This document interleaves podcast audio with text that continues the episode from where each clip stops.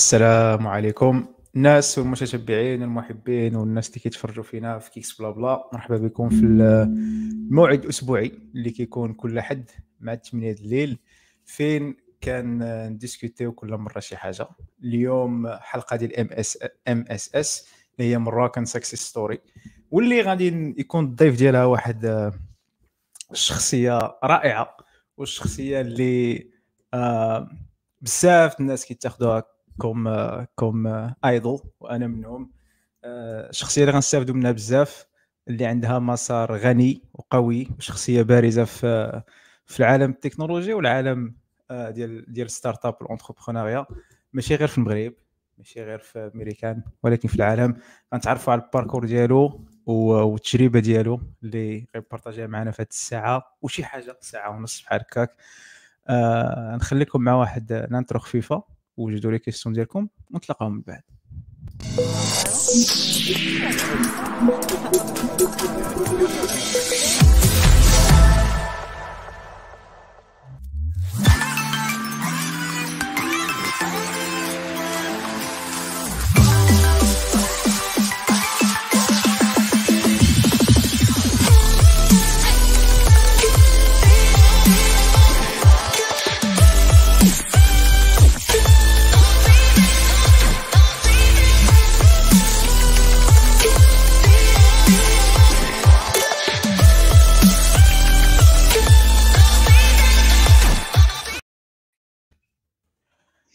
سميدي سي محمد. عليكم.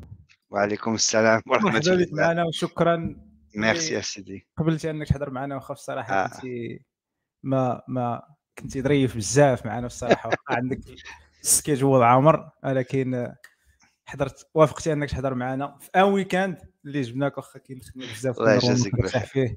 شكرا بزاف سي مهدي ومرحبا بك معنا. ميرسي بوكو سيدي الله يجازيك بخير. سي un plaisir d'être avec la communauté marocaine, euh, la communauté technique marocaine. Et je suis très fier euh, de ce que vous faites, de ce que vous avez fait et de ce que vous continuez à faire. Vraiment, je suis très, très fier de, de ce que vous avez fait. Alors, chapeau, bravo. Tabarakallah alaikum. دارجه ديالي شويه عيانه alors سامحوا لي كاين حتى شي مشكل سيدي الله ودي شوف كنا كنا في الأول كنسو كندير واحد العام كل عام واحد ال واحد الفورمولير كيسميوه ستيت اوف ديف واحد الكيستيونير فين كنسولوا الناس على إلا بغيتي تتعلم شنو شنو اللونغاج اللي كتبغي تتعلم به. كل شيء المهم اون غروند ماجوريتي قالت اللي جا بسم الله. دونك حتى حنا اليوم في الحلقة اللي جا بسم الله كيف ما بغيتي تقولها قولها بالدارجه بالفرونسي وبالانجلي المهم هو هو نستافدوا منك السي السي الله يجازيك بخير شكرا. ونبداو بالسؤال شكون هو السي مهدي الداودي اللي تبارك الله عنده بروفيل غني ولكن نخلي شكرا. الله يجازيك بخير سي محمد. الوغ uh, ولد تماره uh, ولد عسكري داودي في تماره مشيت لباريس مدرسة في ابخي الباك وما عجبتنيش الدنيا بزاف في فرنسا. الوغ مشيت لميريكان جافي واحد لو ستاج اون اوبورتونيتي واحد الشركه qui s'appelait Reuters la société d'information et on a créé le marketing donc j'ai zéro degree in technology ok نقول لك دابا et j'ai appris sur le temps euh, j'ai toujours aimé les ordinateurs alors شوف عندي باقي l'ordinateur ديالي نتاع جبتو من تماره alors mon, mon premier ordinateur c'est un Commodore 64 en دابا نشرف راسي شويه ايوا ملي وصلت ميريكان جافي واحد الستاج الماركتينغ وانا قالوا لي في الماركتينغ اون با بوزوان زعما عندنا بزاف ديال الماركتينغ بالحق شنو بغينا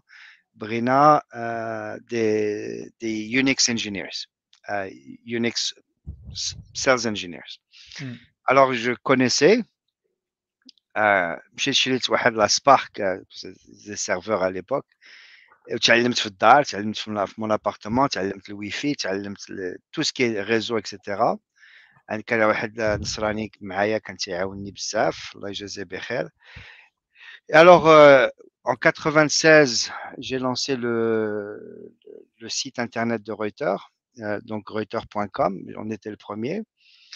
Et à, à Paris, j'avais aussi rencontré Wahed euh, Syed qui, qui m'a fait comprendre l'Internet. Euh, Mhm. Ça, c'est dans les années 92-93, ça venait de commencer. Et, et j'ai- je suis tombé amoureux de l'Internet. Là, ma- قلبي تفقس على هذاك الشيء. Alors, euh, à Reuters, j'ai fait ça. Et après, euh, كنت خدام مع واحد الدري واحد السيد مزيان وقال لي شوف انا ماشي لواحد الشركه كي سابيل دوبل كليك اجي معايا je me rappelle à être Walid, goûte le double clic, goûte le chinois, double clic. Tu as Reuter, Alash Machi, pourquoi tu vas prendre un risque? Euh, le meilleur risque que j'ai fait, euh, alors je suis allé chez Double Clic, c'était la société de publicité sur Internet. Et 11 ans là-bas, et mmh. j'ai fait de tout. J'ai fait sales engineering, et, j'ai fait du operations. Et c'est là où j'ai trouvé ma passion. Donc, euh, ma passion, c'est de construire des gros systèmes informatiques à travers le monde. Donc, on, à double clic, on a, on a construit 17 data centers à travers le monde et euh, des milliers et des milliers de, de serveurs et euh, 40 milliards de, de transactions par jour. Et c'est énorme. C'est beaucoup de travail. C'est scale, right? You have to scale it. Every day is a different problem. And again, none of the tools that you guys have today existed back then, right? Yeah there is nothing. So we had to make shit uh, on the fly. And uh, so the scale of the internet, networking, all that stuff was was was fantastic. And there I found another passion, uh, une autre passion, le monitoring. Et, ce qui s'est passé, c'était une euh, l'incident que j'ai créé moi-même. Euh, j'ai fait une petite modification et j'ai cassé double clic. I, I, I, I literally I, I, I, took double click down for three hours. Des milliers de dollars, des millions de dollars de pertes euh, en termes de availability. Tout le monde, tous les sites internet au monde euh, se sont ralentis, les sites ont cassé parce que euh, quand tu as le JavaScript euh, à, à l'époque, les browsers, ils, euh, ils, euh, les navigateurs, ils, ils, ils cassaient. Ouais.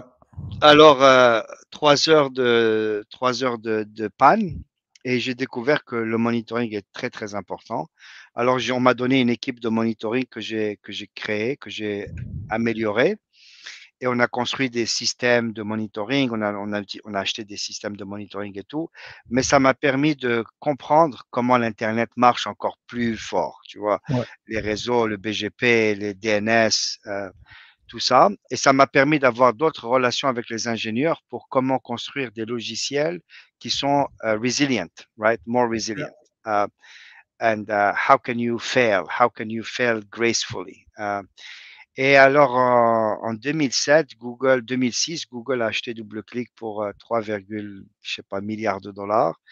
Et donc, euh, on a passé une, euh, un an et demi chez Google. J'ai passé un an et demi chez Google. C'est magnifique, c'est formidable, c'est le dream euh, parce que tu as, tu vois de la technologie qui n'existe nulle part ailleurs.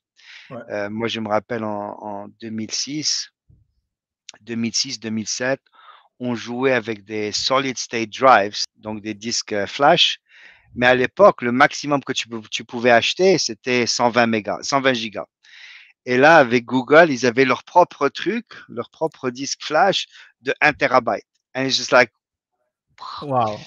alors, uh, alors, uh, it's like Google is like, a, it's, it's like a, for a techie, for a geek, it's like, uh, c'est la cave, la cave d'Alibaba. Uh, Their like dream. The toys, right? Ouais.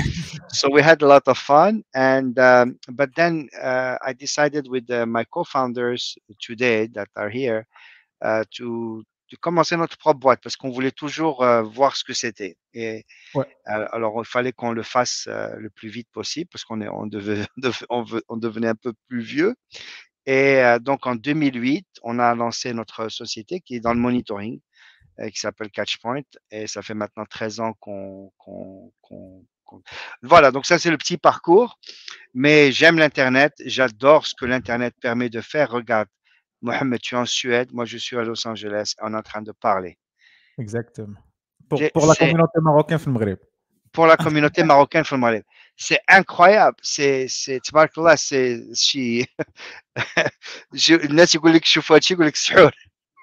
vois, c'est de la sorcellerie and, uh, and uh, sur l'Internet, cette commune, ce- le fait que on peut apprendre la démocratie, euh, l'éducation.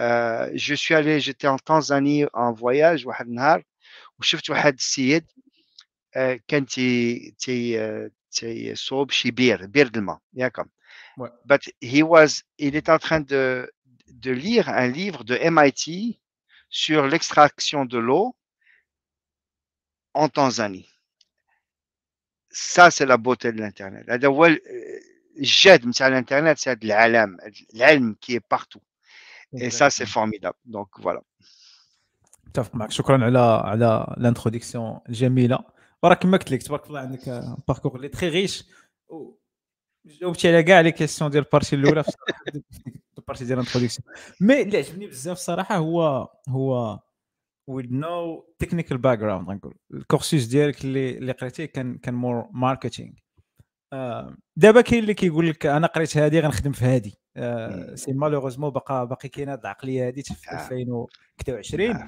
آه. مي مي السي مهدي تبارك الله هو ليكزومبل بارفي ديال قرا حاجة أخرى وإلى اكسيلي في حاجة حوايج أخرى كما غنشوفوا من بعد مي هذاك لو سويتش آه، كيفاش كيبان لك في ديك لا بيريود سورتو جو كو كانت هارد دابا يا بلوس دو ريسورس بلوس ديال Ouais. المهم الانترنت كيف ما قلتي آه، الع- العلم كاين علم كاين دونك آه. هذاك السويتش آه، الوغ كيفاش آه، كان وباش آه. كتنصح واحد اللي كيقول آه، آه. راه حكا خصني- الا قريت في هذه خصني نخدم فيها لا الوغ بعدا هادشي سي سي ان اسبري امريكان بعدا هاد ليسبري اللي اللي تعلمنا حنا اللي كربنا فمغربي او فرنساوي سي جو في te mettre dans un dans une boîte تعلمتي الماتيماتيك او تعلمتي لا كونتابيليتي دير لا كونتابيليتي حياتك كامله سي با بوسيبل سي سي با نورمال سي با سي با سان alors je, je crois que les gens doivent faire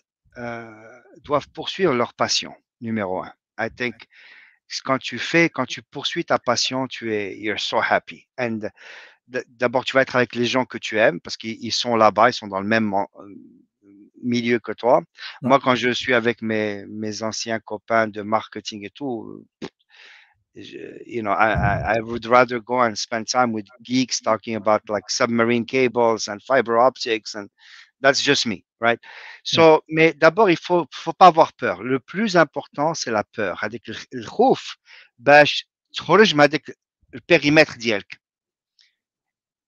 اللي اللي ما جربتيش il n'y a pas de خصك تجرب tu sais il faut pas oublier que j'étais en train de donner واحد l'histoire à mon équipe euh, d'exécutifs elle Tarek celui qui a Tarek جبل Tarek وي جبل تاريخ Jabal Tarek هذاك il faut se re- il faut aller là-bas il faut re- euh, revoir notre histoire de de euh, de try de experiment de euh, ما تخافش alors, il, est allé, il a brûlé les bateaux. Quel homme. Il n'y a, que de l'avance. Et tu sais, c'est un, leadership course et il faut que ça soit étudié au niveau de, management pour ne pas avoir peur.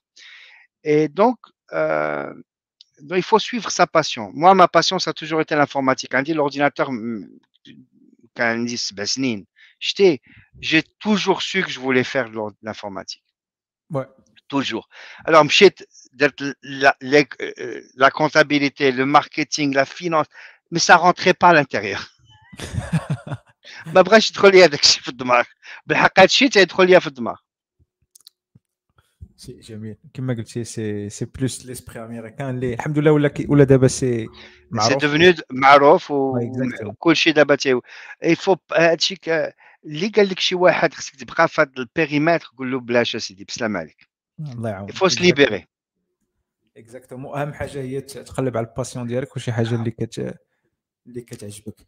نرجعوا ل بغيت نرجع شوية ليكسبيرونس ديالك في في, في دبل كليك اي اي مني مني مني تشرات من عند جوجل آه، شنو كان سبيشال في دبل كليك أصلا ملي كندوي كندوي على جوجل كنقولوا جوجل راه تقدر تبني اي حاجه ديك عباره بيان سور عندهم ارمي ديال لي ديفلوبور دونك اف دي نيد سامثينغ دي غانا بيلد ات دي كان بيلد علاش شنو هو كان سو سبيشال على دبل كليك باش شراوها اي كيفاش كان السويتش من دبل كليك جو سيبوز كانت uh, relatively smaller thing than Google. Yes. Oh The yeah. campaign big- culture very is small. very different.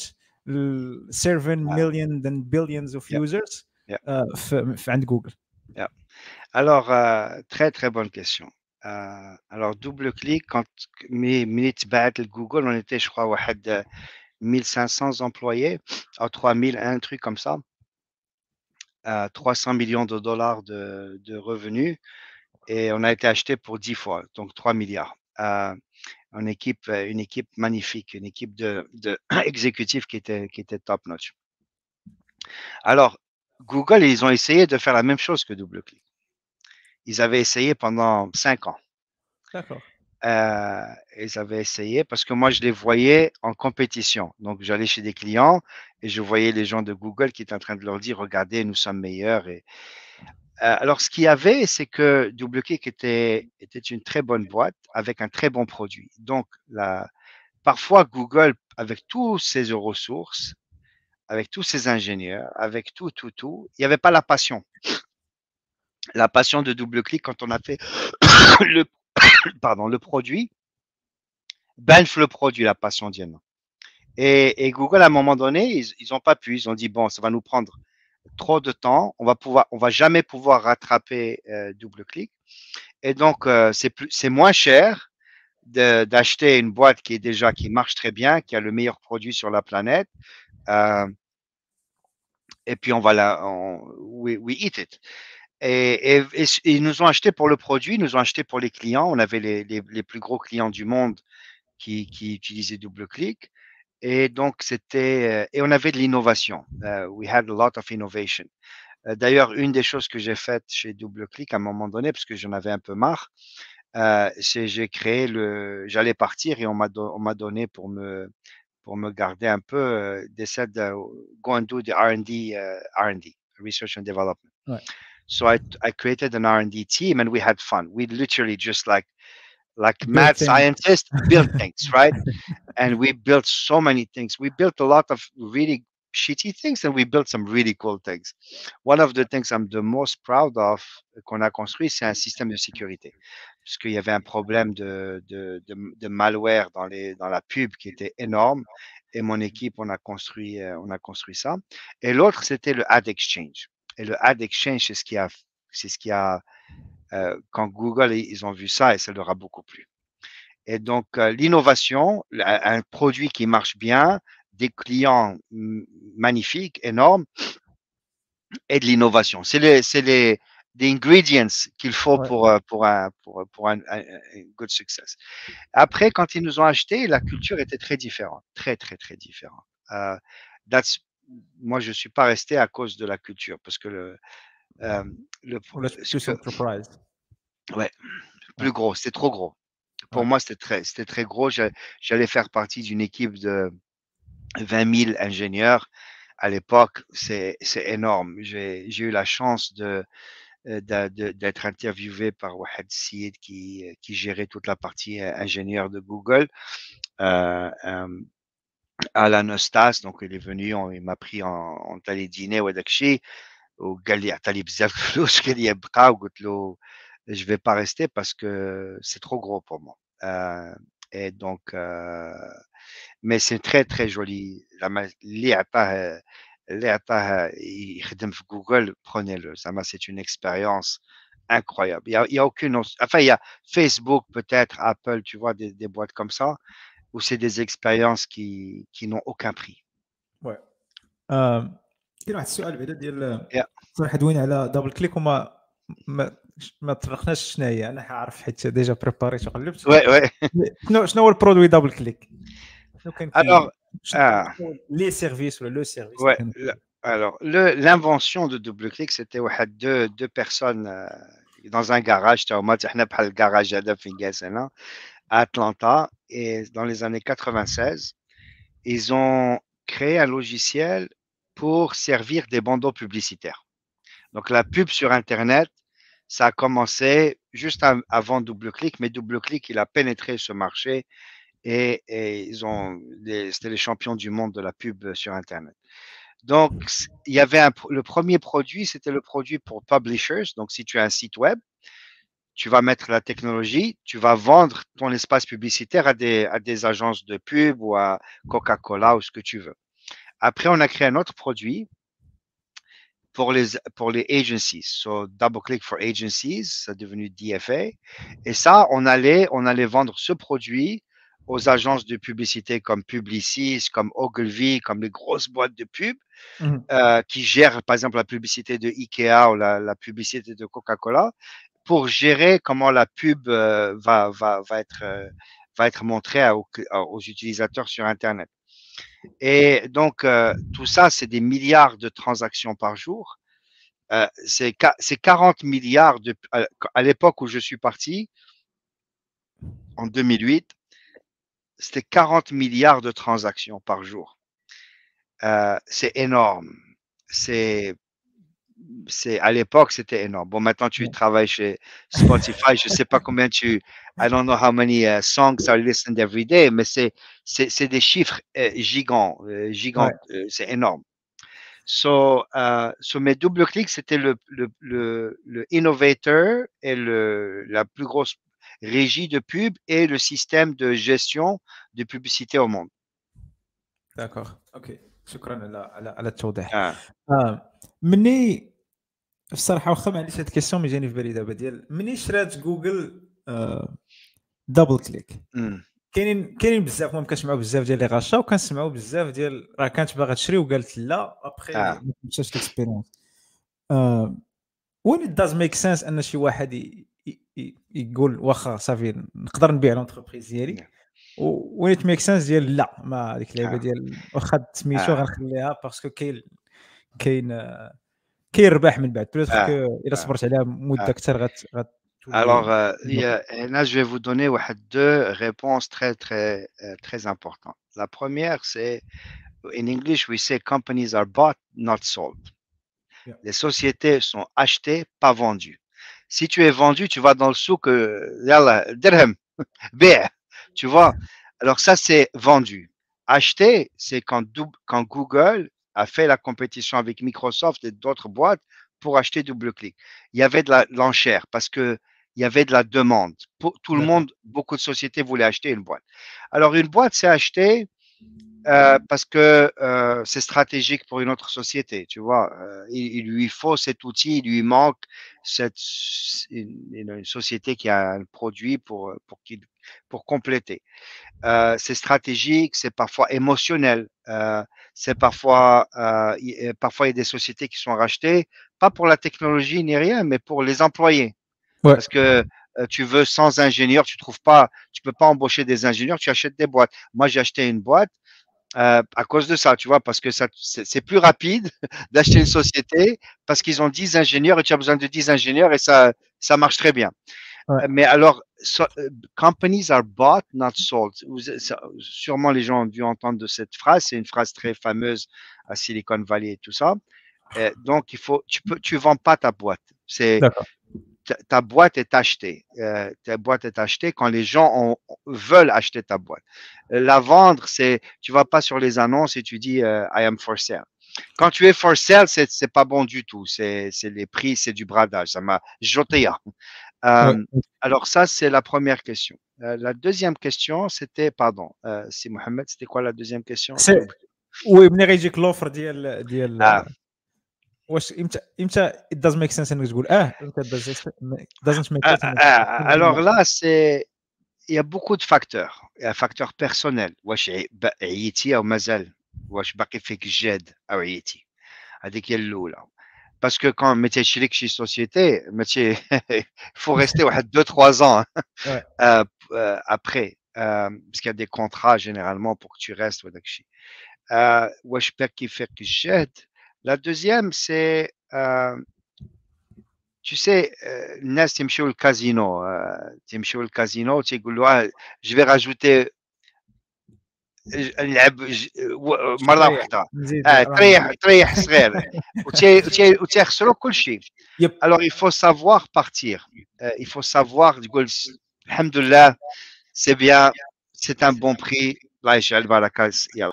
c'est ça le la, je vois des amis à moi qui qui, qui parfois ont, ont- ont mal vendu leur société ont mal acheté leur euh, parce qu'ils étaient trop euh, euh, braw bzaf, braw- Et après, chauffe Yahoo, par exemple Yahoo. Ouais. C'est le meilleur exemple. Yahoo.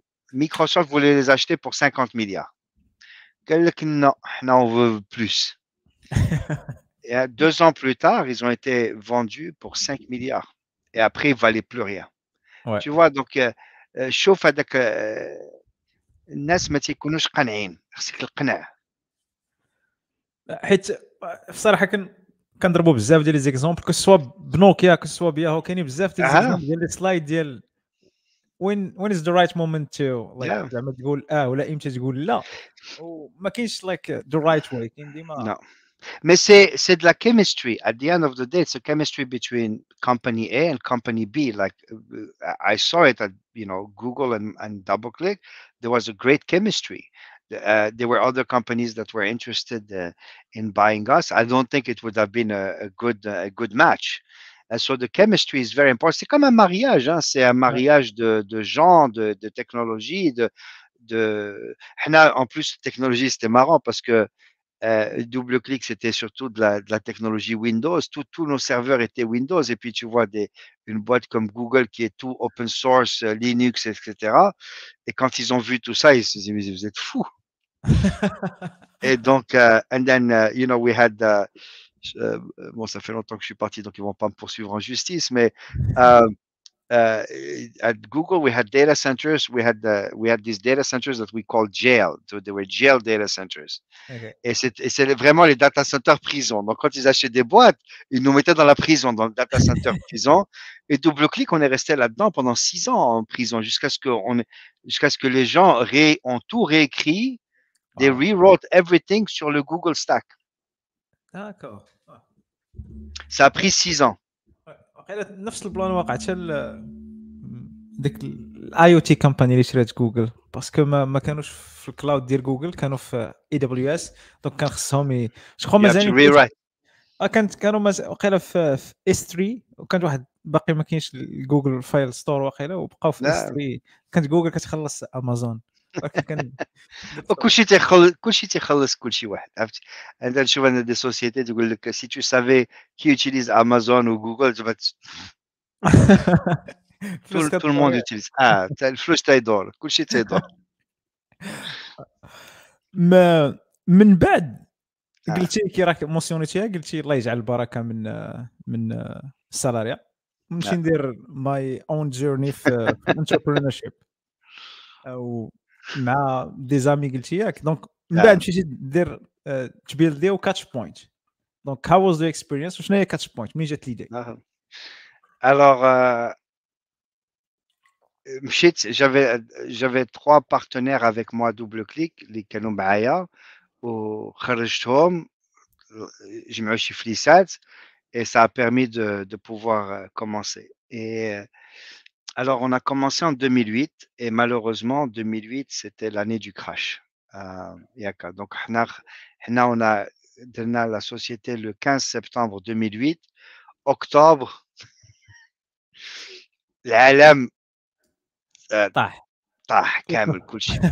Alors, euh, alors imagine, qu'est-ce qu'on va faire?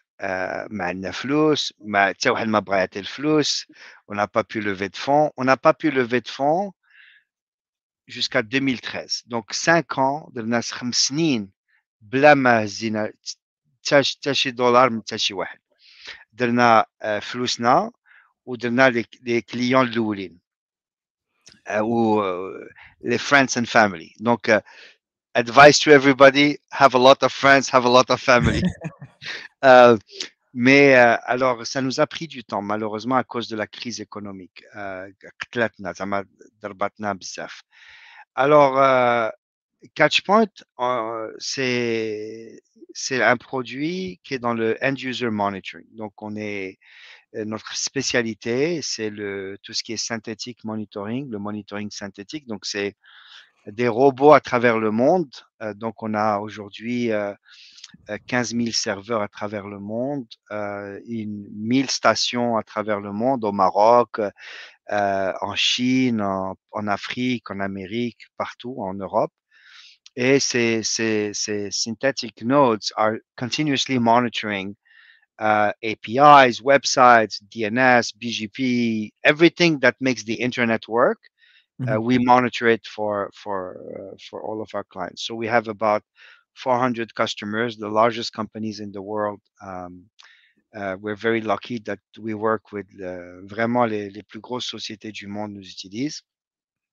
Et, euh, donc, on leur permet de, voir en temps réel les problèmes avant que les utilisateurs euh, soient impactés. Donc, ça, c'est l'idée. C'est, c'est how do you reduce mean time to repair? Donc, détecter le problème et pouvoir le fixer. Non, on ne fait pas le fixing. Ouais. Donc, mais on donne les alertes euh, et on travaille surtout avec des, des, sociétés, tu vois, ils ont, ils ont other observability tools. Donc, il y a maintenant ce, ce terme observ observability, Yeah. donc euh, monitoring observability. Et donc, euh, on s'intègre avec d'autres plateformes comme Datadog, comme, euh, comme Dynatrace, etc. Et on a un autre produit qui s'appelle Real User Monitoring. Donc, ça, ça permet de, de, voir en temps réel les, les performances des utilisateurs. Et il y a deux ans, j'ai acheté une boîte euh, que peut-être euh, tes, tes, tes, écouteurs euh, connaissent bien. C'est Webpage Test. Donc, webpagetest.org, c'est un outil qui a été créé par un copain à moi qui s'appelle Patrick Minen, qui, qui, qui, est, de retour chez Google maintenant. Et Patrick, c'est un génie du navigateur. Euh, c'est, je crois qu'il y en a peut-être cinq dans le monde aussi bons que lui. Euh, donc, euh, Patrick Minen a créé Webpage Test. Nous, on a, on a, on a racheté Webpage Test il y a deux ans. Donc, c'était très important de, de passer par l'expérience de nous-mêmes acheter une société.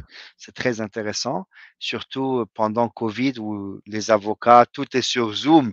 So c'est très, très intéressant comme. Euh, je, je, je, je, lui ai écrit un gros chèque, je l'ai jamais vu. Je suis pas allé lui serrer la main, tu vois? C'est bizarre, c'est it's weird. Et, euh, et donc, Webpage Test, c'est un outil qui est gratuit, donc euh, je vous encourage à, aller voir. Et, on est en train d'investir énormément dessus.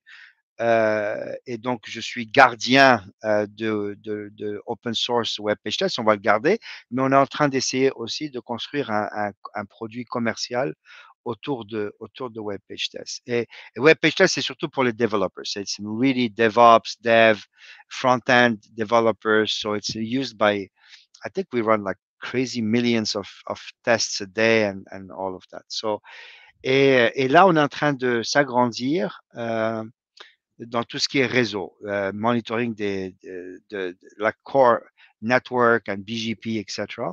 Donc, on est en train de faire beaucoup d'investissements dans pour comprendre pourquoi l'Internet ne marche, ne marche pas. Parce que maintenant, euh, vous, vous êtes tous très, très, très chanceux dans le sens où vous avez Amazon, vous avez Google, vous avez Azure, and all your compute is somewhere, right? Yeah, is there. yeah. You don't have to open data centers or very. Les gens ne savent plus comment, enfin, pas, ne savent plus. Ils ont plus besoin parce que ça a été facilité par, euh, par voilà, it's like this abstraction layer est très, très important et c'est incroyable parce que Maintenant, il va y avoir de l'innovation, because no, le coût est très bas, n'est-ce pas, ouais. euh, pour rentrer. Et puis, tu n'as pas besoin d'embaucher de, de, des ingénieurs, euh, des serveurs, des trucs. C'est everything is code, right? And uh, et ça, c'est magnifique. Je crois que ça va être. C'est pour ça qu'on voit des, des startups au Maroc, des startups partout, parce que you don't have to worry about uh, ce, ce, genre de truc. Alors. Euh, mais le problème, c'est que l'Internet continue d'être très, très compliqué, les réseaux, tout ça. Et donc, maintenant, il y a une demande d'avoir plus de visibilité sur comment le, les paquets passent de là à là. Là, on a des clients, par exemple, qui euh, ils ont très peur que leur trafic soit hijacked euh, euh, en Chine, en Russie, euh, dans des pays un peu moins un peu moins nets et donc euh, so the network monitoring is très très important pour nous. شكرا بزاف و و ودويتي على المونيتورينغ الحاجه اللي سورتو سورتو دون لو كلاود الكلاود عرف البوم ديالو في في لي 2000 بحال هكاك ديك الساعه كان بس امازون كت كتكري وسويفاو بزاف مي في لا بيريود جو كخوا هذيك اللعيبه ديال الموف تو ذا كلاود كان كان ايرلي عندكم اند في كاتش بوينت سي جو كخوا كو بديتو من الاوائل ديال المونيتورينغ في الكلاود. اي سو كيفاش كانت ليكسبيريونس سورتو كو في 2008 ديك اللعيبه ديال كلشي عاوتاني المارشي تسد عليه لي كليون حبسات حبسات القضية. دونك كيفاش كانت الموف انه تمشيو للكلاود وما ديروش ما ديروش آه، آه، برودوي ماشي ماشي آه. ساس ديروا برودوي اللي تبيعوه. شوف هذيك آه. نحطوا عندكم هذا وصافي. آه. الوغ منين الوغ بعدا درنا اون افي تخوا زيرور بعدا افون كو كاتش بوينت سوا كاتش بوينت اون افي تخوا بروتوتيب اي لي تخوا بروتوتيب prototypes, euh, euh, d'énormes les clients, Sahabi qui avait des autres sociétés, je, euh, je leur ai montré, Galouli a m'a dit, on t'aime bien, tu es gentil, Dali Mzian, Saad Shim, Shi- c'est zéro. Va, va le refaire. C'est pour ça que l'ex- l'expérimentation, que la- ta première question, je dis, merci que je trouve. Il faut pas avoir peur. Il faut créer, fail, fail fast, and do it again. Et tu vas y arriver. Tu vois, mais si, si tu, d'abord, euh, euh, great is the enemy of good, right? Number one. Il faut toujours se rappeler ça. La perfection, c'est nul. Il faut, bon, à part, à part, à, à moins que tu t'appelles Hermès et tu veux faire un, un sac Hermès avec chez, bon, ça, je, je suis d'accord. Il faut que ça soit parfait. Mais dans in our business, dans le business de, de idea, c'est, on est dans le, le business d'idées en fait. Yeah.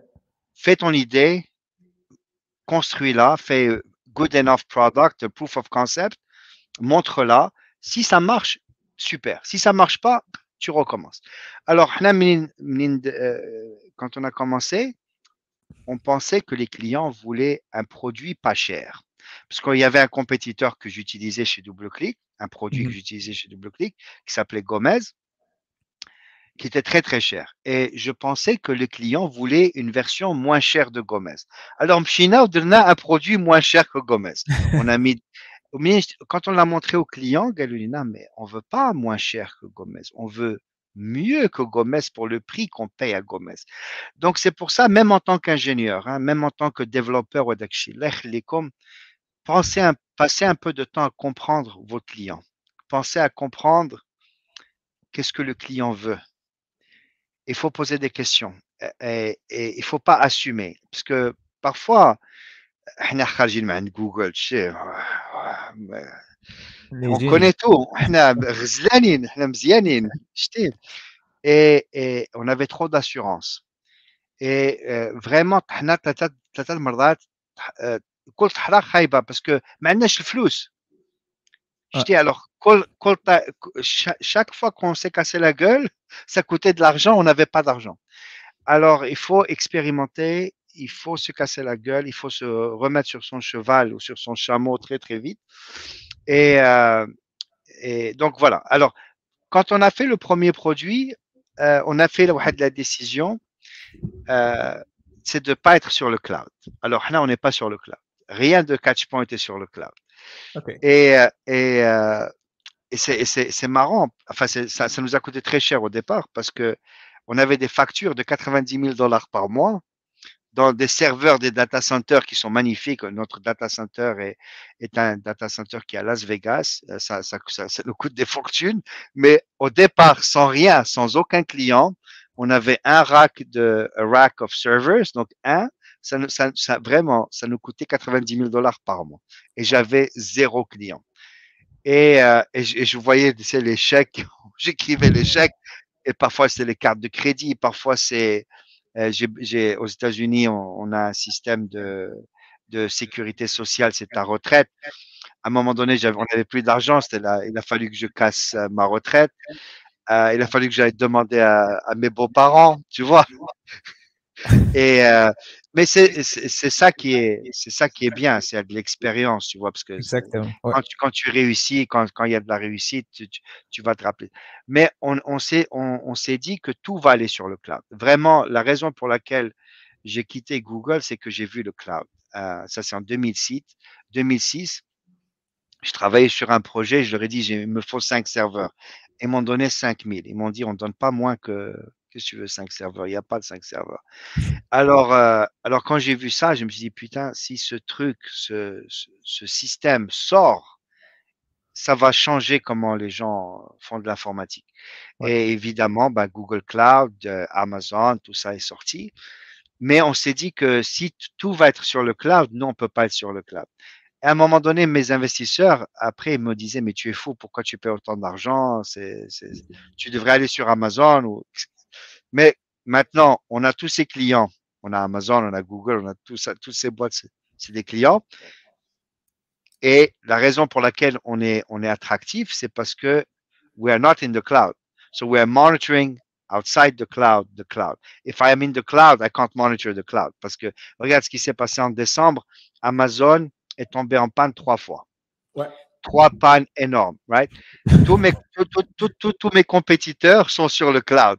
Et quand le monitoring est down aussi, tu peux سي pas. فغي حيت حيت كان وقع لنا واحد المشكل وبقينا ساعه كنمشيو ستاتيوس بيز ديال امازون باسكو المونيتورينغ ديال امازون كاين في Ouais. امازون كيعطينا Ah ouais, ouais. Ouais, alors, alors que là, nos clients, nos clients, ben, ils savaient très vite, en une, mi- une minute, ils savaient quel est le problème, ils étaient, c'était sur Amazon, etc., etc.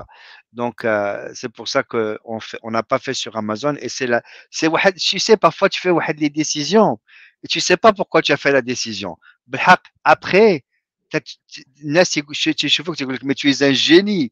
Ouais, Je savais, tu crois que je savais ce que- ce qu'on faisait il y a, il y a 13 ans. On savait pas mieux. ايوا ذاتس ذاتس جود بعدا لي لي ديسيزيون لي ديسيزيون خدمات خدمات وخدمات مزيان Ouais, alhamdoulilah. Par- parfois, you know, you have to. euh, tu- il faut s'entourer de, de, gens autour de toi qui vont te donner des, des avis, des bons avis. Mais la plupart du temps, euh, parfois tu as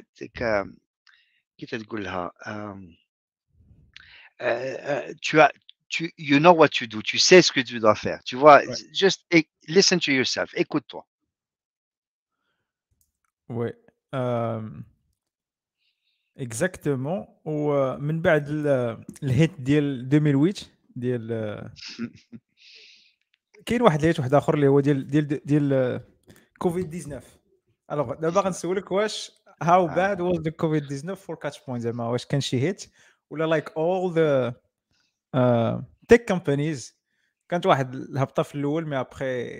كانت كويك ريكفري euh, tu sais, Ah, Ainsi, Mohamed, personne, nous a préparé à, à, à deal with the pandemic. Il n'y a, aucun livre. Et je garde à côté de moi, euh, Andy Wahad Sahabi qui était euh, euh, inscrit américain. Et quand c'est arrivé, il m'a envoyé Je le garde à côté de moi, toujours. Un, ça a été écrit en 2006 c'est it's called weathering the storm, leading your organization through a pandemic. Wow. C'était écrit en 2006. Ça a été écrit par le Center for Technology and National Security Policy, National Defense University. Quelqu'un m'a envoyé ça le, le, le, 9 mars 2019, quand ça a commencé. Il m'a dit, Mehdi, read this. Et je te jure, ça a été ma ma Bible, ma, mon, ma, alors ça, c'est numéro un. Numéro deux, euh, tous nos investisseurs, parce qu'on a des investisseurs, euh, tous nos investisseurs nous ont envoyé un message. On, a- on avait des board meetings toutes les, tous- tous les jours, parfois plusieurs par jour. Tous les investisseurs étaient très, très inquiets parce que tu sais, ils ont mis de l'argent dans nous, dans d'autres boîtes, et puis personne ne savait ce qui allait se passer. Ouais. Alors, euh, alors la, la, la, décision, the decision was conserve cash. Tout le monde, tous les investisseurs nous ont dit, il faut conserver le cash parce que on ne sait pas si ça va durer deux mois, trois mois, un an, deux ans, trois ans. Donc moi, on a, euh, tu sais, on a, on a passé des, des journées affreux avec le CFO, le Chief Financial Officer, à faire des plans. Et on a fait des milliers de plans. Là, je te jure, aussi, Mohamed, parfois j'avais des, des pas assez de mémoire pour, euh, pour tous les Excel spreadsheets que j'avais ouverts parce qu'on a faisait des plans, des plans, des plans, et ici, ça, ici, ça. Alors, euh, comme tout le monde, on a fait un peu de restructuration. On a, on a malheureusement euh, dû se séparer de quelques personnes, mais pas, pas beaucoup. On est, on est 300 employés aujourd'hui. On a dû se séparer de 11 employés pour arriver à ce qu'on appelle break-even, la cash flow, right? C'est-à-dire que tu, tu ne, tu, tu ne brûles pas d'argent. Ce que tu rentres, c'est ce que tu sors, tu es à zéro. Et donc, euh, on a fait ça. Et en fait, euh, si Mohamed, c'est la plus grosse erreur que j'ai faite. Because it killed us. Tu sais, le problème, c'est comme un système. Quand, un système casse, ça casse très vite. Donc, quand tu, when you turn off a machine, it goes off automatically. It goes very fast. But then, remettre une machine en marche, ça prend du temps. Parce que tu peux pas. Takes a long time. Même un data center, quand les data centers que, que je gérais tombaient en panne, ça tombait en panne en deux secondes. Paf! Paf! Coup de shit, Quand pour remettre tout en marche, non, you have to start the, the database server, right? First, make sure that the database is okay. Then you do integrity checks on the database. Did we lose data? Oh shit, we lost data. We have to re- recover from backups. Then once the data is complete, then you can bring the front end servers. Blah. You- tu vois, la, la, Yeah. la, la remontée d'un système est- prend toujours du temps. Et, euh, et la même chose pour une boîte. Donc, les 11 personnes qu'on a, qu'on a malheureusement virées euh, pour se séparer, bon, aux États-Unis, c'est un peu différent qu'en Europe, au Maroc, au Dakshi, n'est-ce pas? Ouais. Eh ben, ça nous a pris beaucoup de temps pour, euh, pour, euh, pour remettre la machine en place. Et et je, tu sais, c'est tellement facile aujourd'hui, en 2022, de dire, ah, j'aurais dû, à, l'époque, on avait les données qu'on avait, on faisait les décisions qu'on faisait. Mais le Covid nous a beaucoup aidé euh, euh, au niveau business parce que nous, sommes dans le digital transformation, nous sommes dans tout ce qui est digital. Mais alors, je vais te dire, euh, Hajjal Khaiba, euh, qui on n'est pas encore, euh, on n'est pas, on n'a pas encore récupéré en tant que société, c'est qu'on a, on a la culture, le bureau. On était une office culture. Yeah. كلشي تمشي للبيرو في نيويورك كلشي يمشي للبيرو في لاند عندنا واحد البيرو كبير في في بنغالور en Inde كلشي تمشي للبيرو في لندن et tout tra- tout travailler autour des bureaux كلشي Yeah. البيرو البيرو euh, rend- salle rendez-vous une culture de rendez-vous culture زعما tout tu peux حتى حاجه ما تتوصل تتمشي لشي rendez-vous ياك ايوا كوفيد يا plus de rendez-vous il y a Zoom et qu'il est parce que c'est une transformation de culture. On n'est pas encore, on n'a pas encore fini. Ça va prendre du temps. Il y a des sociétés d'Ababhal euh, euh Odd Zero, tu vois, en sécurité. Ça, c'est une société magnifique. C'est un copain à moi qui, est le PDG. Et ils sont 700, 800 employés. Everybody's remote. Euh, so from the beginning, it was distributed. GitHub, distributed. Euh, so si vous, si vous allez commencer une, une société aujourd'hui, chers écouteurs et, et, et- et membres de la communauté euh, marocaine, là, commencez avec une, une culture de, de société euh, distribuée, c'est-à-dire la documentation, vous asynchronous uh, meetings. You don't have to you don't have to get in a meeting to to to agree on things.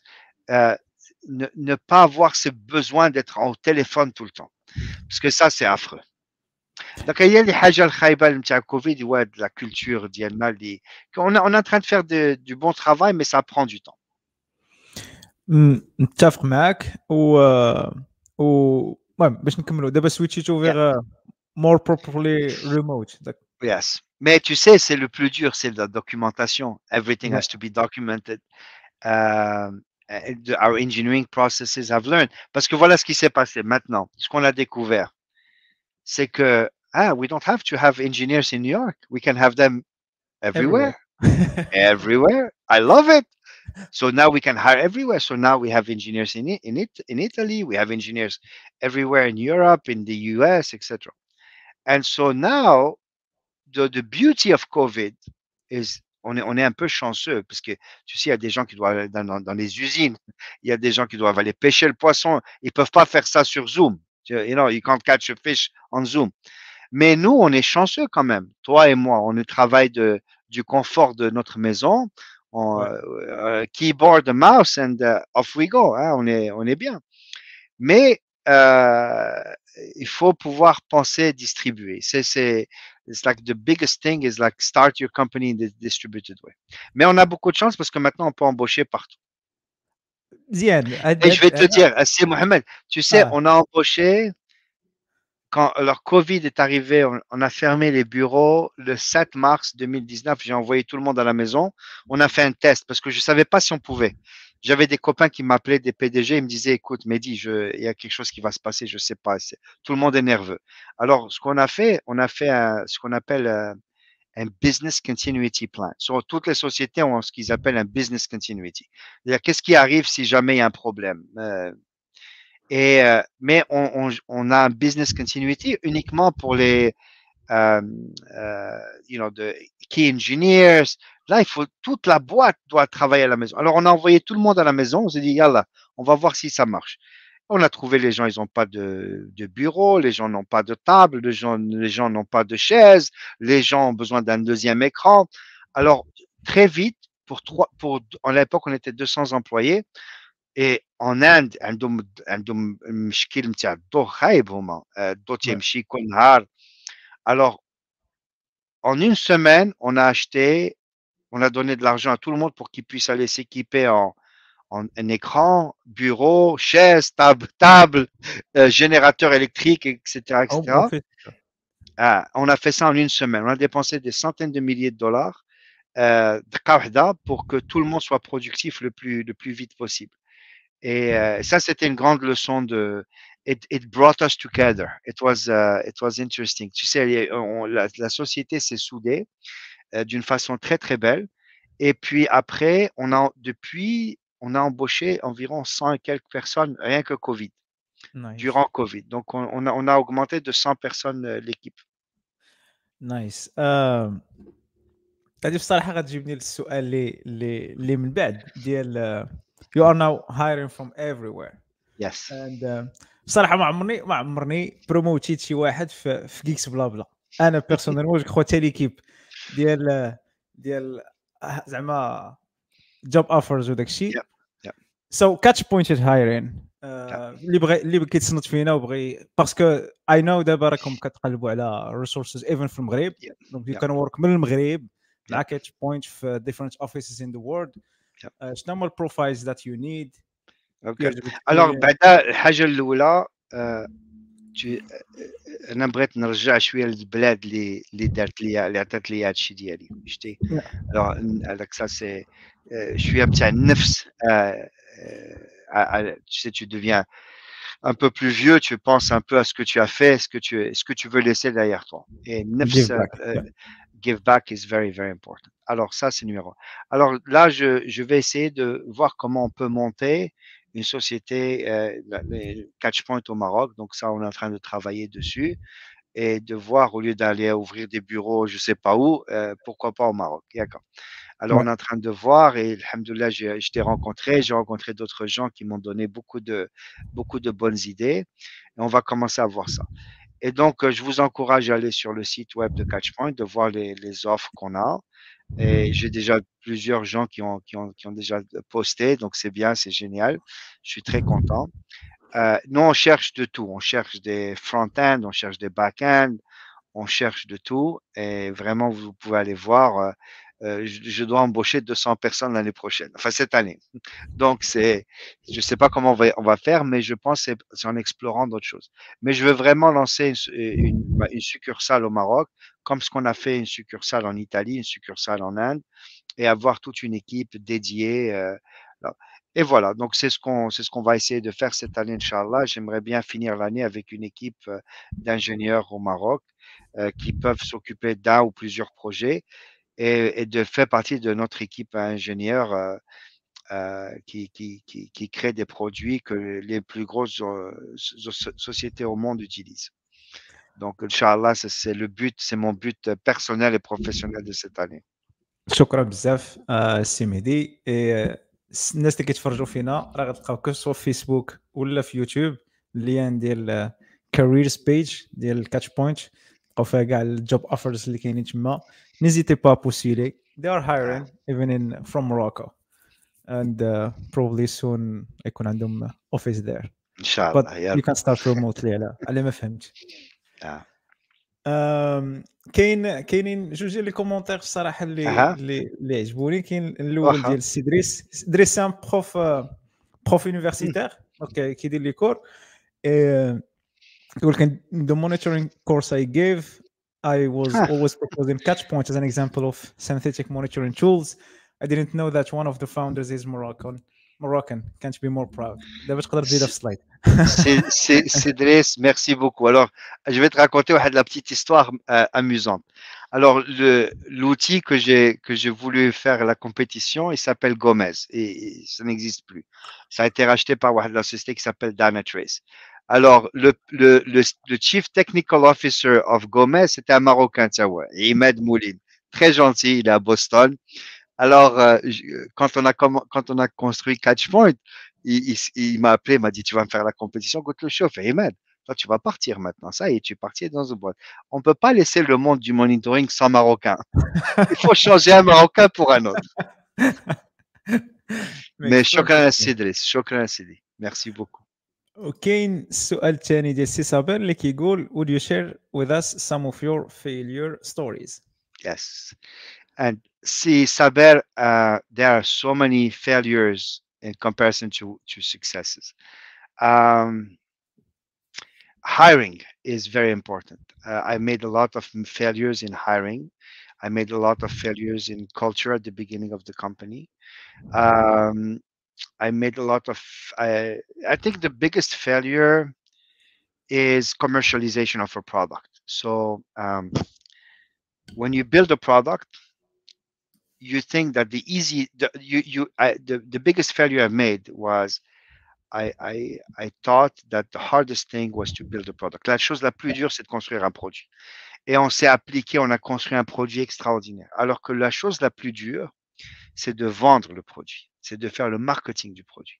Donc, euh, euh, faire le, ce qu'on appelle le Ideal Customer Profile, le ICP. Euh, il, y a toutes des, il y a toutes des techniques que je, n'ai- que je ne connaissais pas. Je me, je, je me suis toujours dit, ah, vendre un produit, c'est très facile. Tu crées quelque chose, tu embauches trois vendeurs, fait, d'accord. Eh euh, ça nous a pris beaucoup de temps. Été très, très dur. Et je vous conseille tous, si vous allez créer une boîte, Inch'Allah, et vous allez tous euh, vous goûter à l'entrepreneuriat, avez avec euh, que dans votre équipe de départ, ayez quelqu'un marketing or sales. Parce que euh, avec le produit. Mais la chose la plus, la, la the biggest failure is I waited five years to build a marketing team and a sales team. I should have built that early on. Et ça, c'était la, la, la, chose la plus dure. L'autre chose la plus dure, c'est de ne pas se séparer de, de, de mauvaises gens autour de vous. Euh, et ça, c'est, il faut, il faut pas attendre parce que c'est comme un cancer. Ça, si, si vous avez une équipe, même si j'avais, je, je parle d'un exemple que j'avais où j'avais quelqu'un qui était très très fort, mais il était cancéreux. C'est-à-dire que nobody liked to work with him. Personne ne voulait travailler avec lui. Euh, tout le monde avait peur de travailler avec lui. Mais il était très bon. Et moi, je disais, oh, euh, chauffe, tu marques là, et celui-là, il est le meilleur. Mais en fait, c'était cancéreux. Et toute l'équipe, pas le cancer. والله إلا بحال الكانسير. ومنين تفرقت مع داك السيد كل شيء ولا خطر كل شيء ولا غزال la culture alors ça c'est le- ne, ne, ne, ne pas ne pas se débarrasser des gens qui qui même s'ils sont cowboys et ils sont ils font des choses ils, ils, ils sucent l'oxygène de la de, de, de, de la chambre dont vous êtes et ça c'est pas bien حنا حنا- آه، كان وي كول ذيم 10 اكس ديفلوبر اللي كيكونوا Yeah. مزيادين بزاف آه، في الكود ولكن كي كما قلتي كيمصوا الاكسجين في الروم ah. وكي Tiens, كيقتلوا tiens, ah, كيقتلوا tiens, ليكيب كلها باش يبانوا Ah. هما Ah, Bashibano. Alors ça, c'est pas bien. Ça, tu sais, ça, ça peut être bien peut-être au départ. Flouel. M- Ouais. Même Flouel, c'est pas la peine. Ben, Après, quand tu as deux, trois personnes, euh, c'est, c'est, c'est cancéreux. C'est, voilà, le cancer. Ça, ça peut te tuer ta société. Euh, ton idée, ton équipe, ça, tu sais, ta صحة ديالك تت- تتمشي. c'est pas la peine, ça vaut pas le coup. Life is too short. La vie est très courte. Il faut, il faut s'amuser. Exactement. الناس اللي كيتفرجوا فينا آه، كيف ما عارفين كيف ما هذا كاين واحد الجيف اواي ديال تيشيرتس دونك تو وين سيمبلي كومنت هاشتاغ كيكس بلا بلا في لي كومونتير تو وين ذا تيشيرت كاين واحد السؤال اخر ديال نعم سيدي ديال يا ديال مريم نديرو Yeah. شويه ديال التوازن Thank you for all uh, for this episode. For Mehdi, for sharing your experience. I have a question. In your opinion, what's the main qualities and skills for a good leader? Alors, je vais vous dire les deux. D'abord, you're not je, je, you're not born a leader. You you become a leader. I think yep. number one, right? So Ah, bon, il y a des gens, euh, Steve Jobs, bon, ça c'est bien, ça arrive, ça arrive une fois chaque mille ans. Mais il faut lire, il faut lire, il faut lire. Et euh, je vous conseille, ah, Ada, ça a été ma Bible, mon, euh, The Advantage. Ce mec, Patrick Lancioni, I highly recommend. Euh, il a écrit des livres extraordinaires euh, sur le leadership, sur comment construire des équipes. Because at the end of the day, quand, quand, quand on réussit, comme je vois quand on réussit, c'est qu'on a une bonne équipe. Parce que euh, quand, quand, quand j'échoue, c'est que j'ai une mauvaise équipe ou alors que je suis pas un bon coach de mon équipe. Et c'est là où vraiment, c'est tout ce qui est leadership. Il faut, passer du temps à apprendre comment être un meilleur leader, comment écouter, euh, comment, gérer son équipe, comment les, emmener à la, à la, à la victoire, à, ouais. Euh, euh, au succès. Et c'est dur, c'est très, très dur. Mais il faut, euh, il faut les. Il y, a, il y a, how do we say trust? Uh, uh, trust en français ou l'arabia, uh, comment on dit? Euh, euh, ah, tiens, une petite lire. Laisse les commentaires. Trust. Ah, trust. Je suis chez traduction en temps réel, les oh, commentaires. Yeah. Donc, euh, donc, il faut passer du temps à créer son équipe. ah ثقة ثقة بالحق الثقة ماشي بحال ah je vais dire un secret à Mohamed j'ai un ثق Mohamed il va pas dire non ثقة dans le business c'est Anna je peux dire à Mohamed Mohamed je sais pas ce que je dois faire خايف je I, I am I am I, I don't know what to do right ça c'est ثقة au niveau business et quand tu as une équipe qui est capable de te dire Mohamed you know what I know we have to ship code tomorrow but I'm behind, I'm stuck. That's tika because then you can come and, and help your coworker, right? Et ça, c'est trust au niveau business que c'est très, très dur à créer. Mais il faut passer du temps à, écouter, à lire, à, à- et, et créer sa propre marque de leadership. Tu sais, tu, tu- je sais pas comment elle s'appelle, la demoiselle qui a, qui a posé la question. Mariam. Mariam. Tu sais, Mariam, on te demande pas d'être Steve Jobs, on te demande d'être Mariam. Quel est ton style de leadership? Et, sois confiante dans ton style de leadership et, avance. Mais il faut faut pas copier les autres parce que tu essayes. Moi, quand j'ai échoué, c'est que j'ai essayé d'être quelqu'un d'autre. Il faut être soi-même et il faut juste avoir des, des principes. Hein? You have, you need to have uh, des guardrails de, de principes de management. Est-ce que tu vas tolérer quelqu'un qui mente? Est-ce que tu vas tolérer un, un voleur, etc., etc. But then you have to have your own leadership style. Ne- N'essaie pas de copier les autres. Euh, Quand on essaie de copier Steve Jobs, personne ne peut être Steve Jobs. Personne. يا آه، كانت هذيك اللي بغات تولي the- Oui, ouais, regarde, elle va aller en prison d'abord. احكم عليها ولا عاد ج- آه، يلا. Mazal, Mazal, Mazal. Ah. Et il y en a Allez. plein des gens comme ça. Donc, euh, donc il faut pas créer son, il faut créer son propre style. Soit il faut Ouais. être authentique. You know, because leaders are authentic and people follow authentic people. They don't, you know, they don't want to follow somebody that follows someone else. Yeah, indeed. Uh, the advantage, ah, the advantage. Ce mec, je vais, euh, je vais mettre, je vais mettre. Il y a un autre, c'est Jim Collins. Tous les livres de Jim Collins sont extraordinaires. Ah, Jim euh, Collins. Uh, Which one? Uh, all of them. I mean, j'en ai un que je dois lire qui vient d'arriver euh, Built to Last. Euh, Build to last. Yeah, هو الاخر yeah. ah, donc, euh, But it's, c'est. uh, build to last. Et puis, il faut se mettre avec des gens qui peuvent t'aider. Moi, j'ai euh, euh, j'ai deux coachs qui m'aident. Donc, j'ai deux, deux ex-PDG euh, que j'emploie à côté de moi qui m'aident à devenir le PDG que ma société veut dans deux ans. tu vois, parce qu'il faut jamais arrêter d'apprendre. So I have two coaches euh, qui, je passe des heures avec eux chaque semaine pour que je m'améliore. Et tu sais, il faut, en fait, tu, tu, you don't know anything. That's, uh, c'est ça la, le truc, c'est il faut continuer d'apprendre tous les jours. Et vous, en tant qu'ingénieur Wadakshi, vous le voyez tous les jours. La technologie change tous les jours. I mean, did, did you guys know that containers were going to take over the world five years ago? No. No. You know what I mean? So Yeah. now we're talking about Web.3 and and all of that. It's Ah, just NFT. crazy. Yeah. Ah, It's- yes, it's crazy. آم، بارطاجي لاباج ديال الجيف واي وكاينين سام كويشنز اللي دو فاسون غادي ن- غادي ن- خصنا المهم غن- آه، Uh, uh, you know, uh, كمل كنت Ouais, بغيت شي حاجه سيمي yeah, non, ça m'a- vous- sur LinkedIn, avec Chi, je- j'aimerais bien, you know, si quelqu'un a des questions, je peux suivre avec. Uh, why working at a big company like Google pushed you to leave? It didn't push me to leave. Again, Google is, uh, si quelqu'un a la chance de pouvoir travailler chez Google, je vous encourage. Ça m'a- C'est ce que vous allez apprendre là-bas, c'est magnifique. بالحق أنا, euh, euh, j'allais travailler pour euh, je sais pas, dans une société de 20 000 personnes. J'aime bien, you know, in a small group. Euh, j'aime bien la petite équipe. Et 20 000 ingénieurs, c'était trop pour moi. Donc, c'est une question de, euh, goût, de, taille. Mais si quelqu'un a la chance de pouvoir euh, travailler chez Google, il faut y aller, il faut, voir.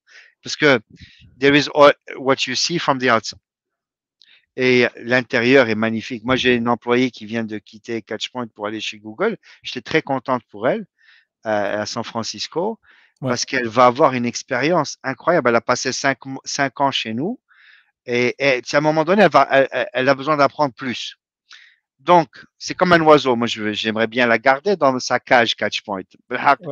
C'est une personne qui a besoin d'apprendre beaucoup plus. Elle a beaucoup de talent et elle a besoin d'une société comme Google pour pour qu'elle qu'elle continue de monter, tu vois. Ouais. Donc euh, voilà.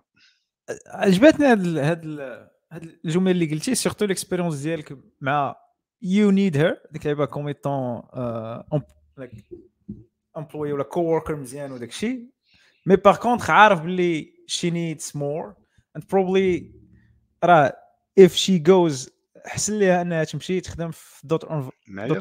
other environments اتس صراحه حاجه زوينه اللي خصها تكون في في, في الليدرز اللي انا اللي- تنقولها لكل كل واحد اللي تيخدم معايا وكل واحد اللي تيمشي م- من عن- من عندي هاد لا سمان هادي euh, on a on a on a embauché 24 personnes. Je crois que c'est la, la semaine la plus la plus grande qu'on ait jamais eue en termes de new new people. Mais on a perdu aussi parce qu'il y a beaucoup de changements, like the Great Resignation. hein, quand c'est- Ouais, yeah. Les gens bougent beaucoup parce que les gens ils, ils veulent bouger. C'est bien.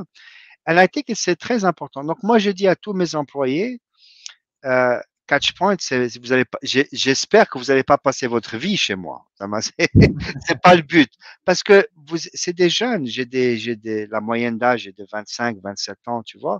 Et là, j'ai un, un, un ingénieur qui a passé 7 ans chez nous. Ça m'a, le collège, là, direct, il a fait un internat, un internship, et il a commencé à travailler. Et là, il a eu un, job à New York magnifique chez Facebook et je suis très fier de lui. Eh ben, parce que d'abord, je me dis, waouh, Catchpoint, on crée des ingénieurs que même Facebook et Google veulent. Ouais. C'est pas mal. Ouais. C'est pas mal pour un petit mec de Témara. Hein. J'étais Mohamed, donc ça c'est important. Donc, et en plus, je, euh, la, la personne qui va qui est allée chez Google qui est allée à, à Facebook etc. Qu'est-ce qu'ils vont dire? Ils vont dire, hey, Catchpoint, c'est une bonne boîte. Alors, tu vois, même chez eux, ils ont des ingénieurs qui sont fatigués. Ils veulent d'autres, des petites boîtes. Et ils vont dire, ah, toi, tu es venu de chez Catchpoint, c'est bien et c'est une bonne culture. Ouais, ouais. Ben, moi, je vais aller me reposer, je vais aller faire autre chose chez Catchpoint. Tu vois ce que je veux dire? Ouais. Donc, it's a, it's a life cycle. It's a- il faut encourager le, le truc. Mais je suis très fier de mes employés qui quittent pour aller dans des, dans des très bonnes boîtes. C'est, c'est, c'est, it's an achievement. Moi, je suis très fier de ce qu'on a fait. جميل جدا السي مهدي كاين واحد الشعر واحد اخر ديال السي Yeah. بدر كيقول in Ah. advices about how to close deals with clients Euh, alors, euh, là, j'étais en train de travailler sur un deal il n'y a pas longtemps et le, le client, euh, le client nous, nous maintenant. Ah, de la semaine, ah, de la semaine, la semaine prochaine, il faut faire ci, il faut changer ci, il faut et pour pas beaucoup d'argent, euh, vraiment pour un petit un petit contrat. Et à un moment donné, hit. Alors la vendeur, euh, la vendeuse sur le projet m'appelle et euh, bon, j'ai des rendez-vous avec l'équipe vente une fois par semaine pour voir où on en est. Et euh, parce qu'on est dans le SaaS, donc il faut, il faut signer beaucoup de clients, il faut que ça soit, il faut que ça bouge vite. Et, et, et donc, euh, je leur ai dit, euh, bon, ça fait six mois qu'on négocie avec euh, avec la société. C'est une grosse boîte, c'est monstrueux comme société. Mais ça fait six mois, comme ça on, leur envoie un email, on leur dit ça bah, d'accord. Quand vous êtes sérieux, quand vous êtes sérieux, revenez vers nous. Eh ben, je te jure, le lendemain, on a signé le contrat. Donc, la morale de l'histoire, c'est il faut du respect entre le client et le vendeur, entre le client et la société. Il faut, il faut établir les règles. Quand quand il n'y a pas de règles, euh, c'est le bazar. Et ce qu'on fait, alors il y, a il y a des sales méthodologies que, que j'encourage les gens à, écouter. Alors il y a, j'ai un, un de mes investisseurs, il s'appelle John McMahon. Je vais mettre le nom. d'accord Euh, alors, je vais vous sales. Alors, désolé, donnez-moi une seconde. Euh, et je ne sais pas si ce livre est en français, mais ce monsieur, c'est un de mes role models au niveau de, de- des ventes. Alors, John McMahon, c'est le mec qui a inventé plusieurs, euh, la méthodologie de vente que toutes les sociétés d'entreprise utilisent aux États-Unis, en Europe, etc. Ça s'appelle MedPick, c'est sa méthodologie. Enfin, je vous laisserai voir ce que c'est. Mais ce dont il parle, c'est il établit très vite un rapport, pas de force entre le vendeur et le client, entre le client et la boîte, mais un rapport de, euh, de respect. C'est-à-dire, je vais faire ci pour toi, tu dois faire ci pour ça pour moi. S'il n'y a pas ce truc, c'est c'est la catastrophe. Donc euh, donc il faut établir des règles de, de, de, de salesmanship très très vite entre vous et la société avec qui vous, vous travaillez. Sinon, c'est il n'y a pas de respect. Donc, je vous recommande ce livre. Euh, vraiment, ça, a, ça a beaucoup changé notre façon de, faire les ventes euh, euh, qu'on a. Et puis, il faut, il faut avoir des bons vendeurs, il faut les entraîner, il faut faire du, il faut, il faut faire du practice. Hein. Nous, on fait beaucoup de practice avec nos vendeurs. pour, comme ça, le jour où ils sont avec les clients, ils savent comment faire. Yep. Um, des questions? الا عندكم دي. كيسيون اخرين آه، جاوبوا عليهم. دقيقة باش ندير الجيف هواي فيت في. آه، ويل دراو ات ناو. شكون اللي غيربح معنا؟ التيشيرت. اللي غيربح يكونتاكتي لي باج ديالنا سواء فيسبوك تويتر لينكد ان فين ما بغيتو ومبروك للسي موحى آرت. يعني لك السي موحى. آرت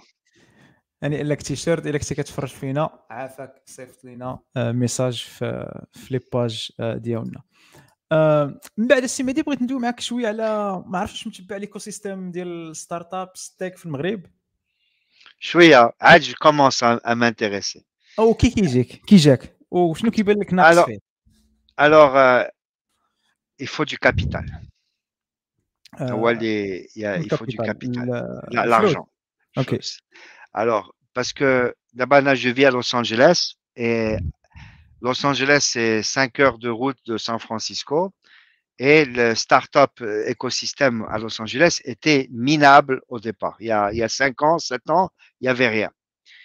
Et pourquoi? Parce qu'il n'y avait pas de capital, il n'y a pas d'argent, il n'y avait pas d'investisseurs. Donc, c'est les investisseurs qui financent les idées.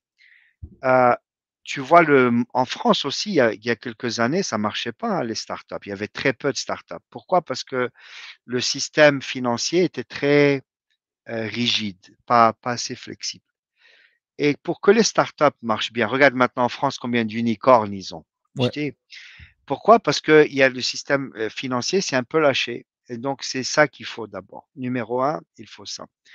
Numéro deux, il faut se débarrasser de la crainte, le khouf. Avec le khouf, ou les euh, c'est ça qui. Les gens, ils me tirent à fauche. Il faut pas avoir peur de l'échec. Alors, ça, c'est. Vous savez, Sienna, euh, j'ai quitté Google, euh, j'avais un enfant, petite histoire personnelle. Euh, j'avais quitté, j'ai quitté, j'avais une fille. Et j'ai dit à ma femme, euh, elle, travaillait, elle travaillait chez Cisco à l'époque. Je lui dis, bon, si jamais ça marche pas, on a un enfant, on peut prendre un risque avec un enfant. Et donc, toi, tu vas aller, elle, elle venait de vendre sa société, elle est allée dans un corporate job, et moi, j'allais faire ma startup. Ben, le, le jump, c'est un jump qui fait très peur parce que tu as des enfants, tu as un, toit, tu as des responsabilités je te dis, le lendemain matin du jump, j'étais libre, c'était magnifique. Alors, il ne faut pas avoir peur dès. Switch. Euh, ah, il faut. Il faut si tu le sens, que tu as une bonne idée, tu as un produit, tu, as, tu, vas, tu, vas, tu, vas, tu vas inventer un système de paiement qui va révolutionner, je ne sais pas, euh, la vente de bétail au Maroc, ben vas-y. Et, tu vois, il ne faut pas avoir peur. Mais il faut de l'argent. Il faut, que le système. euh, l'autre chose, c'est ce que j'aimerais bien, c'est, un peu plus d'anglais parce que ça, rend les choses un peu plus faciles au niveau technologie ou d'Akshi. Mais je crois que c'est ça. Mais tu sais, Inch'Allah, ce qui va se passer, c'est que euh, l'Afrique, c'est un continent, c'est le continent du futur. Moi, je le vois avec toutes, même les sociétés aux États-Unis avec qui on travaille et tout, c'est un continent du futur, l'Afrique. Et je crois que ce que le Maroc est en train de faire, se tourner vers l'Afrique, c'est magnifique. Alors, je vous, peut-être, hein, je sais pas, je suis pas un spécialiste, alors vous faites ce que vous voulez, mais je pense qu'il y a beaucoup d'entrepreneuriat à faire du Maroc vis-à-vis l'Afrique. Tu vois, parce que l'Afrique, d'abord, il y a le pôle de l'Afrique du Sud, il y a le Maroc. C'est les deux pays qui vraiment ont l'infrastructure, le RAS, le Qraya, le Madrasat, l'Internet, l'infrastructure. Ouais. Donc, je pense qu'on a, on a hein, au Maroc une responsabilité ou une, une, une chance de, d'avoir un truc sur l'Afrique. Et il y a des gens qui vont venir investir, tu vois, c'est, ça, ça va. Mais c'est ça, je crois, le, le, le premier truc, c'est l'investissement, c'est l'argent. L'argent, les, les formes légales de start-up, euh, les, les options, tu vois, créer toute l'infrastructure juridique, légale, euh, pour que, que tout soit plus facile. Ça, c'est ça qui m'inquiète le plus. Et- mais bon, je vois, ils ont lancé Tech Morocco il y a quelques jours. Ouais. Euh, donc, c'est bien. Je, je, voilà, tabarakallah, je suis très fier de l'avancement et on fait ça à des pas de géants d'abord parce que le monde est en train de changer vite. Alors, tabarakallah, on a des bonnes écoles, on a des très bons euh, dmar, on a dmar, et quand- et au Ouais. lieu qu'ils aillent en France ou aux États-Unis, ou d'Akshi, pourquoi pas? Et On en a parlé, toi et moi. Ouais. Mais euh, il, faut, il faut de l'argent, il faut un système légal, il faut un système euh, pour que ce soit plus facile. Mais ça va, ça va venir Il faut, don't despair. Uh, we're not we're, we're hoping uh, so uh, زعما يقول لك الانفستيسمون خصهم يطلقوا خصهم يطلقوا شويه الفلوس بركه من من السقريم Ah. بي بولد Il faut créer des, il faut créer des pôles. D'abord, je- l'autre jour, j'étais au- مشيت نشوف الوالد والوالده في الرباط ومشيت آه، في آه، الطريق نتاع الايروبور نتاع الرباط كاين ديك تكنوبول سي مانيفيك هادشي آه، vous savez les, les gars euh, euh, moi, j'ai quitté le Maroc en 92, il n'y avait pas grand-chose. Hein. il faut, parfois, on, on, ça avance, ça avance vite. Il faut juste continuer à investir plus que des gens comme moi, comme toi, qu'on donne aussi au pays, tu vois, qu'on donne notre savoir-faire, notre euh, de l'argent, tu vois, il faut, il faut c'est comme ça que ça marche. Comment tu crois que les Indiens ils ont réussi? Et c'est ça, that's that's who we need to emulate. الجيف باك اكزاكتومون um, جبتي تكن- تكنو تكنو تكنو بول وقيلا سميتو اللي. كاين. ما بين الرباط. آه. وكاين واحد آخر في في كازا. نيرشور. وكاينين ودابا ولاو في بزاف ديال المناطق آه. ديال المغرب برينسيبالمون كتلقى دو لوف شورينغ اللي هو برينسيبالمون جاي من من من, من فرنسا آه. شنو راي ديالك في لوف شورينغ باسكو انا اللي كي اللي كي جو كخوا كيديرونجيني انا بيرسونيلمون كيديرونجي بزاف وكنا دوينا عليه هو المونك ديال البرودوي المونك ديال البرودكت وي دونت هاف لايك ا ستارت اب بيلت اون لايك تو سيرف ا برودكت حيت البرودوي اتس ا ديفرنت ستوري كيعطيك بزاف شتي سي محمد tu fais partie d'une génération de de تبارك الله qui vous êtes très impatient انا تيقول لي الوالد انا je suis très impatient et il a grandi dans les années 40 d'accord alors شوف انا j'ai travaillé avec l'Inde dans les années 90 والله là c'est Mohamed tu es allé en Inde tu es allé dans des centres en Inde à Bangalore à New Delhi وداك الشيء زعما تبكي الناس واحد فوق واحد الاخر واحد لك واحد الحاله خايبه ياك ما بالحق شوف دابا ولاو qu'est-ce qu'on faisait on faisait de l'offshoring nous en 90 je faisais de l'offshoring avec l'Inde et donc les ingénieurs qu'on utilisait en offshoring maintenant qu'est-ce qu'ils ont ben maintenant ils ont leur propre société et ils ont créé du produit je crois que l'offshoring il faut pas le repousser. Je pense qu'il faut l'embrasser, l'adopter vite, très vite. Et c'est une, c'est une phase. Il faut passer par là, je pense. regarde le Costa Rica, regarde l'Argentine. Il y a plein de pays. Les Philippines. Je suis en train d'ouvrir un truc aux Philippines aussi, Mohamed. C'était de l'offshoring au départ. Et maintenant, c'est des ingénieurs. Ils sont, tu peux leur donner un produit. D'abord, tu, tu leur dis, voilà, j'ai un problème. Tu, tu les embauches, tu leur dis, voilà mon problème et ils vont construire le produit. Et ça, ça va arriver. Mais il faut, faut, une, il faut un départ. Et je crois que l'offshoring, c'est une façon, c'est une façon d'apprendre. Je ne sais pas si on peut dépasser l'offshoring directement. Je dis, euh, si on peut, très bien, ça pourquoi pas. Mais sinon, je crois que c'est une petite partie, c'est une, une étape euh, obligatoire ben, peut-être qu'on l'a, au lieu de la faire en 10 ans, on l'a fait en 2 ans. J'étais deux ans d'offshoring, trois ans d'offshoring et on passe vite fait. Parce que ça va nous apprendre les structures. Euh, ça va nous apprendre à travailler avec les Américains, avec les Anglais, avec les Japonais, avec les, tu vois. Après, il y a le trust et, tout ça. Donc, je le vois pas d'une façon négative. Euh, mais peut-être peut-être j'ai tort, je sais pas si Mohamed, on verra. لا انا انا انا غير غير ديسكسيون اوبن وكنبغي نعرف كنبغي نسمع البوان دي في ديالك باسكو الي الي تري انتريسون تبارك الله وغنكمل في, في البيسيميزم ديالي اها ديال جو كخوا المهم الناس اللي اللي اللي متبعين التكسان في المغرب هاد 10 سنين الاخرى راك دوينا بزاف على ستارت ابينغ في المغرب. 10 سنين ديال لاكومبانيومون ديال لي ستارت اب لي زيدي سلايدات ما كتحس بشي حاجة ماشي هذيك باسكو ما ما خرجتش شي حاجة ديك اللعبه ديال شي ستارت اب شي شي وحدات تفرح بها والو. واش واش؟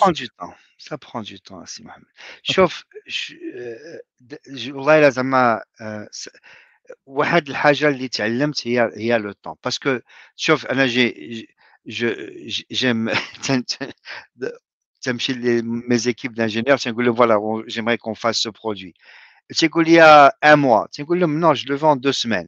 Tu pourquoi deux semaines Et finalement, tout prend du temps. Ça m'a, j'ai le produit, je te jure, Assis Mohamed, on m'a dit, oh, ça va prendre deux mois pour le faire. Ça fait deux ans qu'on y travaille. Parce que tu, on pense que tout est facile. Et puis, c'est, c'est pas facile, c'est pas évident, c'est dur. Et tu trouves des problèmes technologiques que personne d'autre n'a, n'a réglé. Donc, au Maroc, les startups. Je pense que je vraiment, voilà, je, suis parti cette année et je vois, je te vois toi, je vois Google, etc. C'est magnifique ce, que, ce qui se passe. Tu vois, ça va, ça va prendre. Ce qu'il faut, c'est est-ce que le, gouvernement, est-ce que le, pays, est-ce que les gens, le système bancaire est prêt à changer pour encourager? Chez France, vraiment, ils n'avaient rien. Regarde les mecs de Datadog, euh, les sociétés de monitoring qui, qui est extraordinaire. Ils étaient en France. Ouais. Ils n'ont ils ont pas réussi en France. Ils ont réussi où? Aux États-Unis. Pourquoi? Parce que tout le monde peut créer une boîte. C'est facile d'avoir de l'argent. Tu as une bonne idée, tu fais un produit, tu le montres, tu as des investisseurs, paf, et, tu y vas. C'est ça qu'il faut créer, Simon. C'est s'il n'y a pas ça, s'il n'y a pas de, c'est comme planter une plante. Il faut du, il faut de la terre, de l'eau, du soleil. On, il faut les ingrédients. Et, et c'est ça qui manque peut-être, c'est juste le niveau administratif, euh, bureaucratique, parfois un peu trop. Et, et si, si, les Français ils, ont, ils sont arrivés à se débarrasser de euh, chez Home, nous aussi, hein, mais il faut de l'argent, il faut le flou فلوس فلوس هي اهم حاجه Tu vois, tu chauffes, euh, euh, il y a, il faut que les, les gens qui ont de l'argent au Maroc se mettent en, en place et dire bon, on va investir dans des sociétés, des startups. Euh, chauffe d'abord les, les Indiens ici aux États-Unis, c'est eux qui, c'est eux qui, ils ont fait de l'argent. C'est eux qui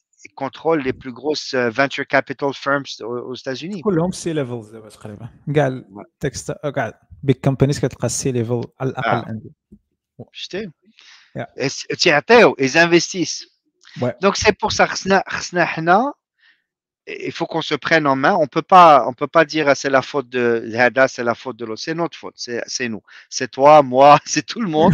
Mais bah, si on veut le, le, start-up marocaine, la scène Hada, c'est nous qui devons les aider.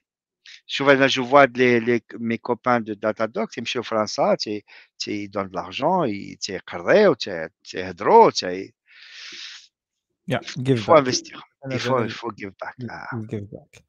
آم، ساعة و25 دقيقة تبارك الله السؤال السؤال الأخير قبل ما نشوف إلا كاين شي شي كيسيون في. كومونتير هو ديال إلا كان شي واحد بغى بادي ولا بغى يبدأ ولا نطايف مع الوقت دابا في ستارت اب ديالو في. المغرب ولا بيريتر في برا المغرب وكيسمعنا شنو هي النصيحة ديالك اللي تبغي تقول ليه Euh, il y a tellement de choses. I will say growth. Growth, growth, growth. Make sure you have a growth plan. Make sure you can sign up customers as quickly as possible. Everything, the difference is everybody else has. Tout le, tout monde va avoir la même idée que toi à un moment. Tu sais, euh, c'est une question de temps. Donc, c'est la rapidité et c'est quel est, comment tu vas, comment tu, quel est ton plan pour grossir le plus rapidement possible. Euh, ça, c'est, c'est- et ça revient à, mon échec euh, au départ de la société, c'était de ne pas avoir investi dans le sales and marketing en pensant que ah, c'est facile, c'est, je pourrais faire ça à la fin, je vais embaucher deux, trois vendeurs, ils vont vendre. Ça marche pas comme ça, malheureusement. And, uh, and if you can, if you can, il y a une société qu'il faut regarder aujourd'hui qui s'appelle Calendly. Je sais pas si vous en avez entendu Yeah. parler. Calendly.com. Alors ça, ça c'est un success euh, story de qui on va en écrire des, bouquins hein, dans les années prochaines parce que it's a product-led growth company, right? It's like il n'y a pas de vendeur, il n'y a rien, c'est viral, c'est ça règle un problème. C'est très simple, hein, c'est partager ton calendrier. Ouais.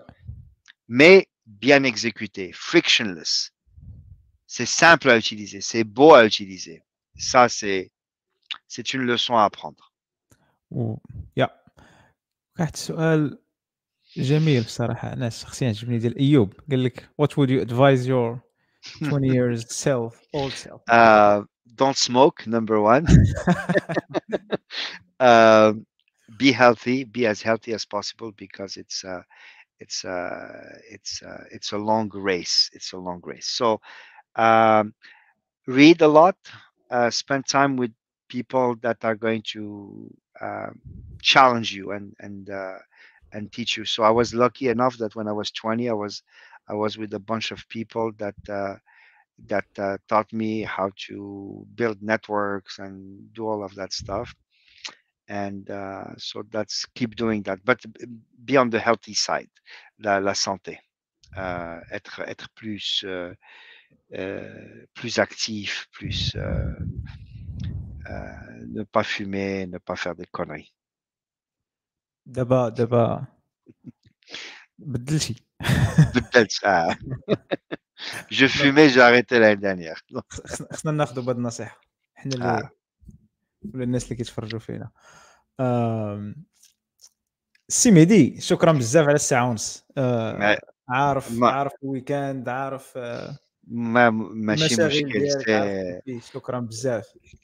لا, لا شكرا على واجب والله لا بليزير تبارك الله عليكم كاملين uh, guys, Morocco is a great country, and we have great minds. We have great, uh, great resources, and uh, il faut et, et vraiment on va on va dominer l'Afrique. On va dans, dans, le bon sens, hein, je dis pas dans, dans, mais vraiment c'est une c'est une, on va avoir une une une chance incroyable au jouer au niveau de l'Afrique.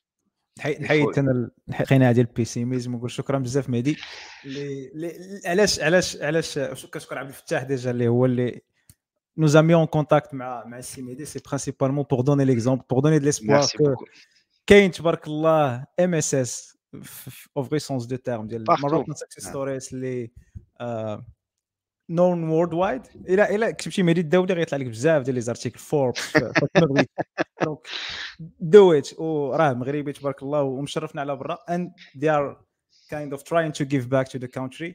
بالاوبتيميزم ديالهم and trying to change things. شكرا بزاف سي مهدي. شكرا شكرا سي محمد. اتري بيانتو ان شاء الله شكرا بزاف. تبارك الله عليك والسلام عليكم. وعليكم السلام. سلامة سيدنا. باي باي